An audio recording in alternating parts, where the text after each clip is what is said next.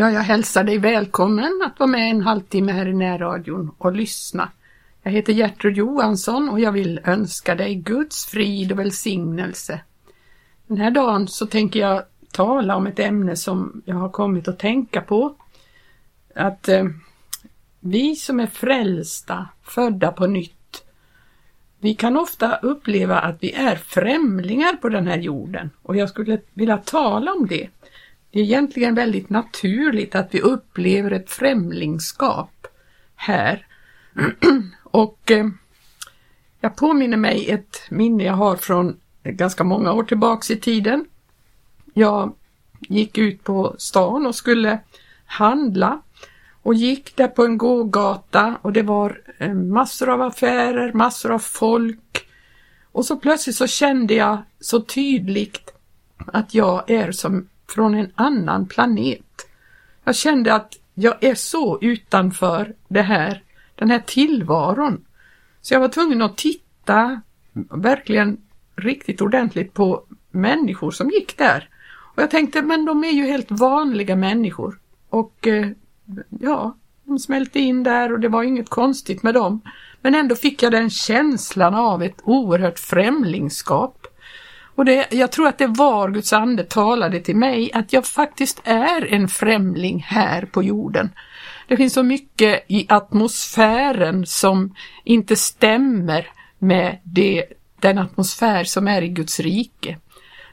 Och jag funderade på det sen, jag kommer ihåg att vi hade möten och jag vittnade om det där.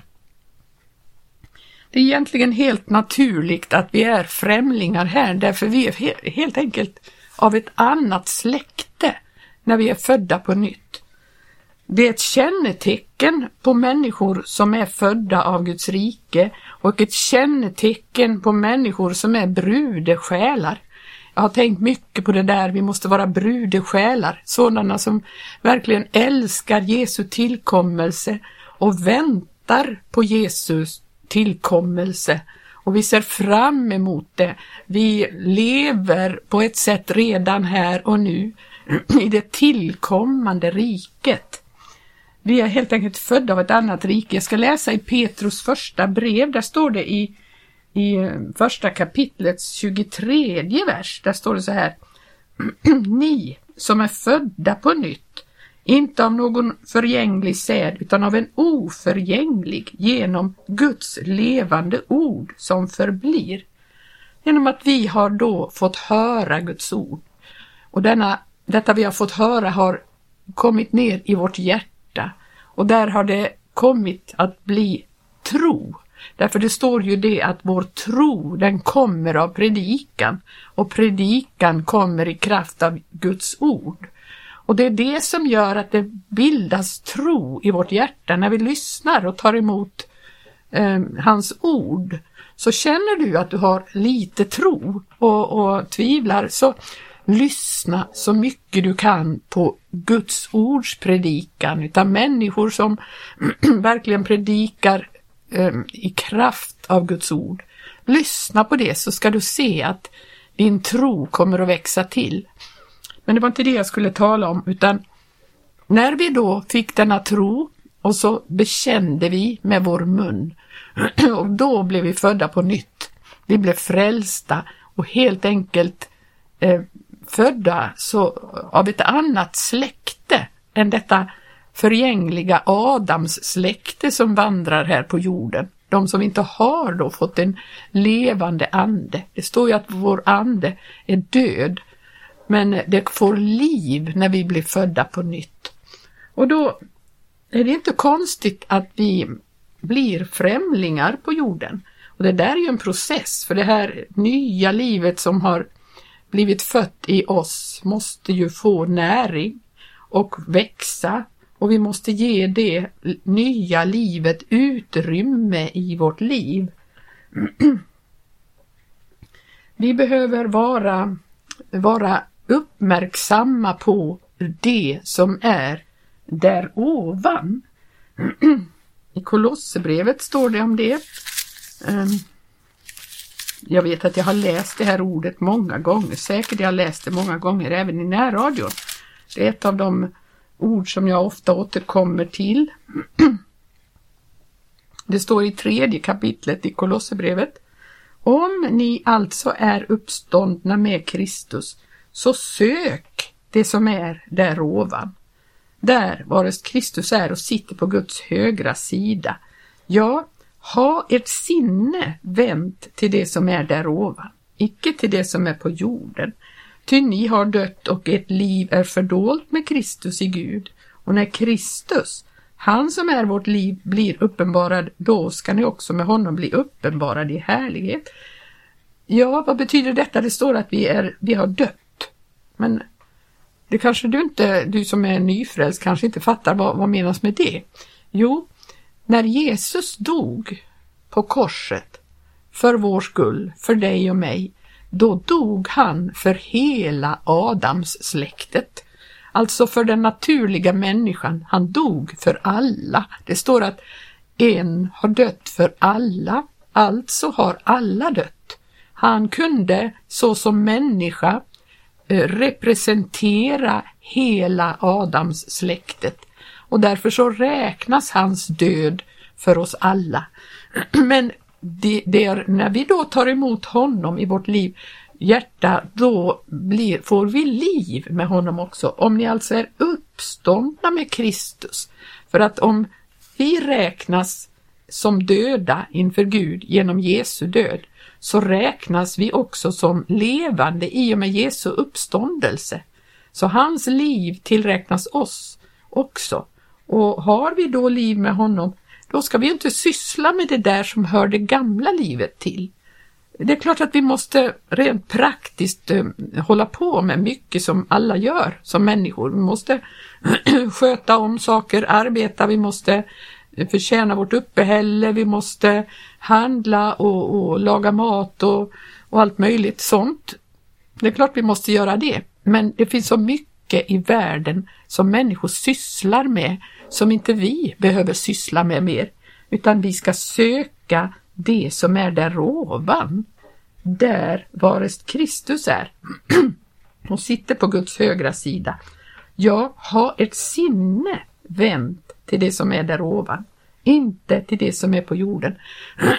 Vårt sinne, vad är det? Jo, men det är ju vad vi tittar på, vad vi lyssnar på, det är våra sinnen de tar ju in saker hela tiden. Vad håller vi på och, och lyssnar på om dagarna?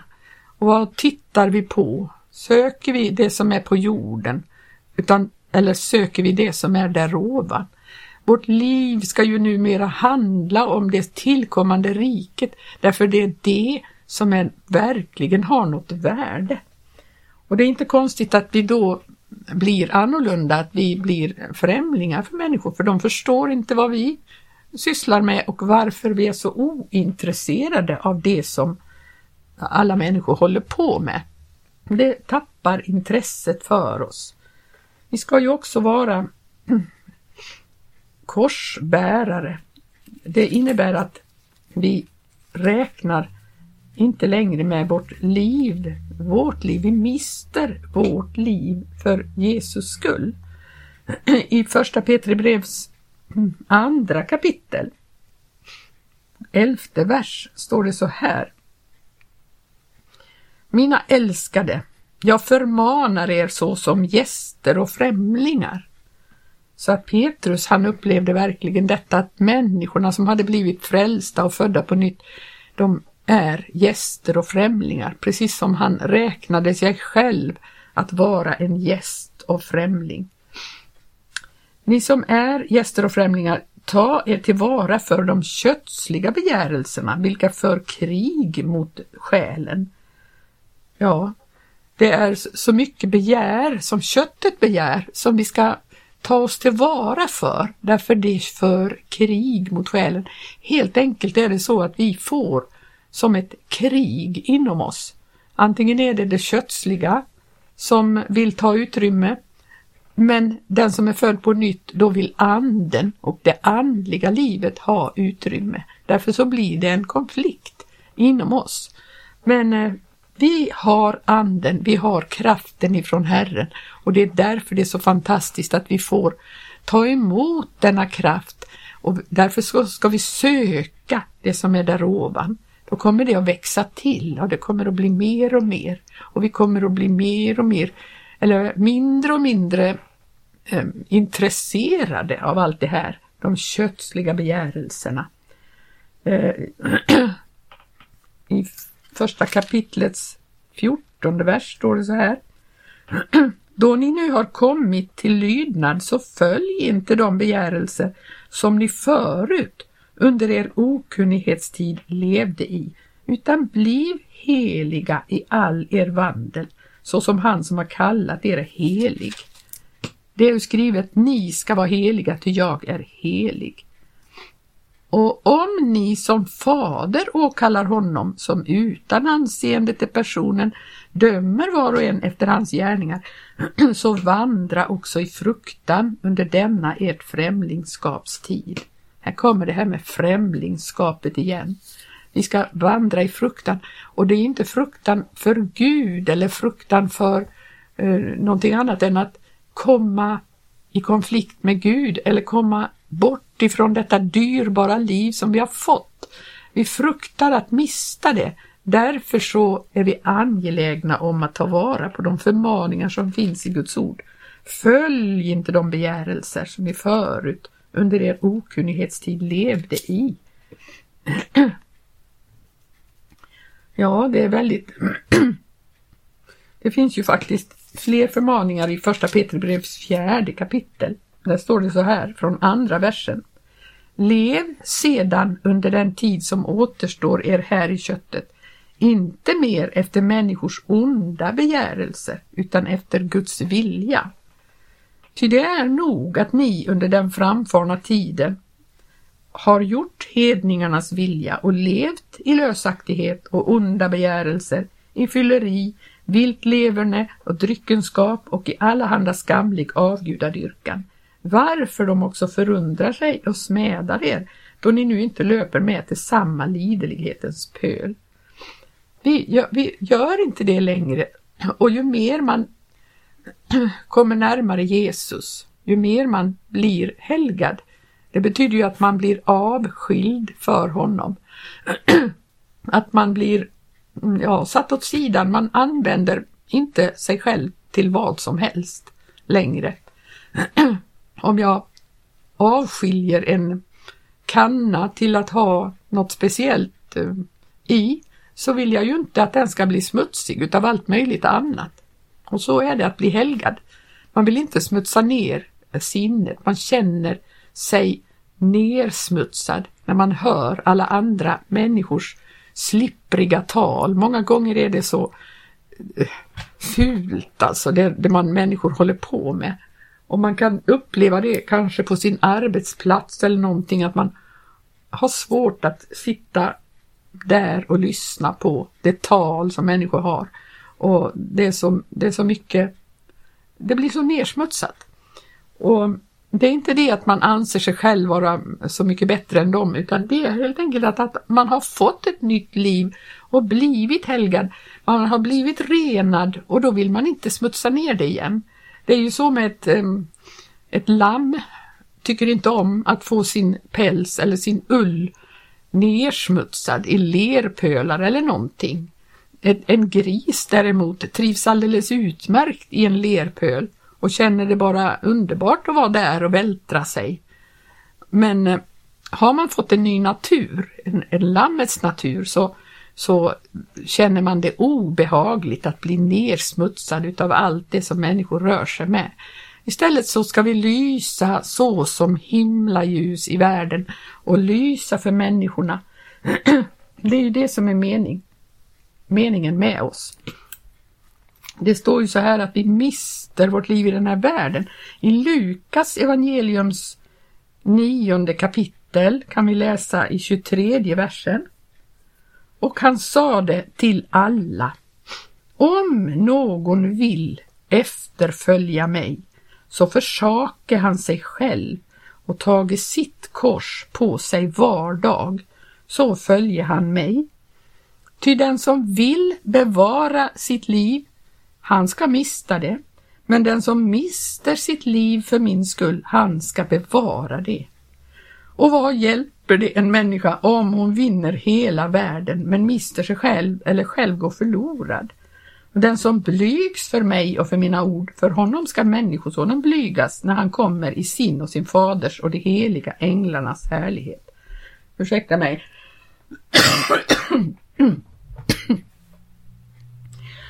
Ja, det är ju lite, lite så då att man faktiskt mister sitt liv, alltså det man hade här i världen. Det man var här i världen, det mister man nu. Man är inte längre densamme, man är någon annan. Och människorna förstår oss inte. Därför så ser de oss också som gäster och främlingar. De kan inte förstå sig på oss. Och det är, det ska vi inte var ledsna för, därför det är naturligt. Man såg också Jesus som så annorlunda och till slut blev man så irriterad på honom för han vandrade ju här så som världens ljus. Och han har ju sagt till oss att nu är det vi som är världens ljus. Och han var världens ljus och han lyste och detta uppenbarade för människorna vad deras eget liv var. Man kanske upplevde sig smutsig när man såg honom och hörde hans sanna ord när han talade till dem om vad det var, hur, hur saker och ting låg till. Då kände man sig avslöjad och eh, tyckte inte om det och det människorna tycker inte heller om ifall vi då genom vårt leverne och våra val här i tiden och vår, eh, vårt undvikande utav den gemenskap man har runt de här eh, orena tingen. När, man, när, när de upplever det så blir man utstött, man blir eh, föraktad, man blir smädad som det stod här i ett eh, ord vi läste. Det är för att man själv känner sig avslöjad och och det är otäckt. Till och med Jesus var ett sådant ljus att man valde att döda honom på korset. Så upprörande var det här ljuset som han hade med sig. Och om du och jag såsom gäster och främlingar skänker ljus över människornas orenhet och synd så kan det bli dem till frälsning. Men det kan också så bli så att de stöter ut oss, stöter bort oss. Men ju mer vi får lida så ska vi fröjda oss och vara glada, står det. Därför att det visar för oss att, att eh, vi är på rätt väg. Vi är på, på rätt väg. I första Petri brevs fjärde kapitel så kan vi fortsätta och läsa i i, ja vi kan ta från tolfte versen. Mina älskade, förundra er inte över den luttringseld som är tänd bland er och som ni till er prövning måste genomgå och mena inte att därigenom något förunderligt vederfars er, utan ju mer ni får dela Kristi lidande, dess mer må ni glädja er, för att ni också må kunna glädjas och fröjda er vid hans Härlighetsuppenbarelse. Saliga är ni om ni för Kristi namn skull blir smädade, ty härlighetens ande, Guds ande, vilar då över er. Får du vara med och uppleva smälek på grund av Jesu efterföljd, då vilar Guds härlighets ande över dig. Vill inte du vara med om det? Att du upplever mer och mer att Guds ande fyller dig. Det är ju inte så att vi ska fördöma människorna på det viset, men ljuset avslöjar för dem och då kan vi presentera frälsningens väg för dessa människor, precis som Jesus gjorde. Han presenterade en väg utifrån det, att de också kan få ta emot detta nya liv och de kan också få rening i Jesu blod. Och det är det budskapet som vi har med oss. Och får vi uppleva smälek så ska vi vara underbart glada för detta, för det visar att vi är på rätt väg. Ja, jag skulle önska att jag kunde lägga ut det här mycket bättre så att du fattar att främlingskapet, det kan tyckas som en, en nackdel att vi är som främlingar och gäster här på jorden. Men det är fantastiskt att, vi, vi, att det är så att vi vandrar här som ett representanter för ett helt annat släkte. Och det ska vi inte vara sörja för utan då ska vi, då ska vi vara väldigt glada att detta är sanning i vårt liv, att vi är på väg, vi är medborgare av ett annat rike. ja, man kan läsa mycket i psalm 119 om det här. I psalm eh, 19 versen står det Jag är en främling på jorden, står det. Så det upplevde redan psalmisten att han var en främling på jorden. Och det finns så mycket att läsa i, i Saltarens 119 kapitel. Och eh, där, där människan som skriver det här eh, upplever detta att man vill ha mer och mer utav, utav honom. Min själ trängtar efter ditt, din frälsning. Jag hoppas på ditt ord. Mina ögon trängtar efter ditt tal och jag säger när vill du trösta mig? Ty jag är så som en vinläglig rök. Men jag förgäter inte dina stadgar. Hur få är inte din tjänares dagar när du vill hålla dom över mina förföljare och så vidare. De fräcka gräver gropar för mig, de som inte lever efter din lag. Alla dina bud är sanning. Utan sak förföljer man mig. Hjälp mig. och de har så när fördärvat mig på jorden fastän jag inte har övergivit dina befallningar. Behåll mig vid liv efter din nåd så vill jag hålla din muns vittnesbörd. och man skulle kunna läsa väldigt många verser i den här salmen för den beskriver väldigt mycket hur det är.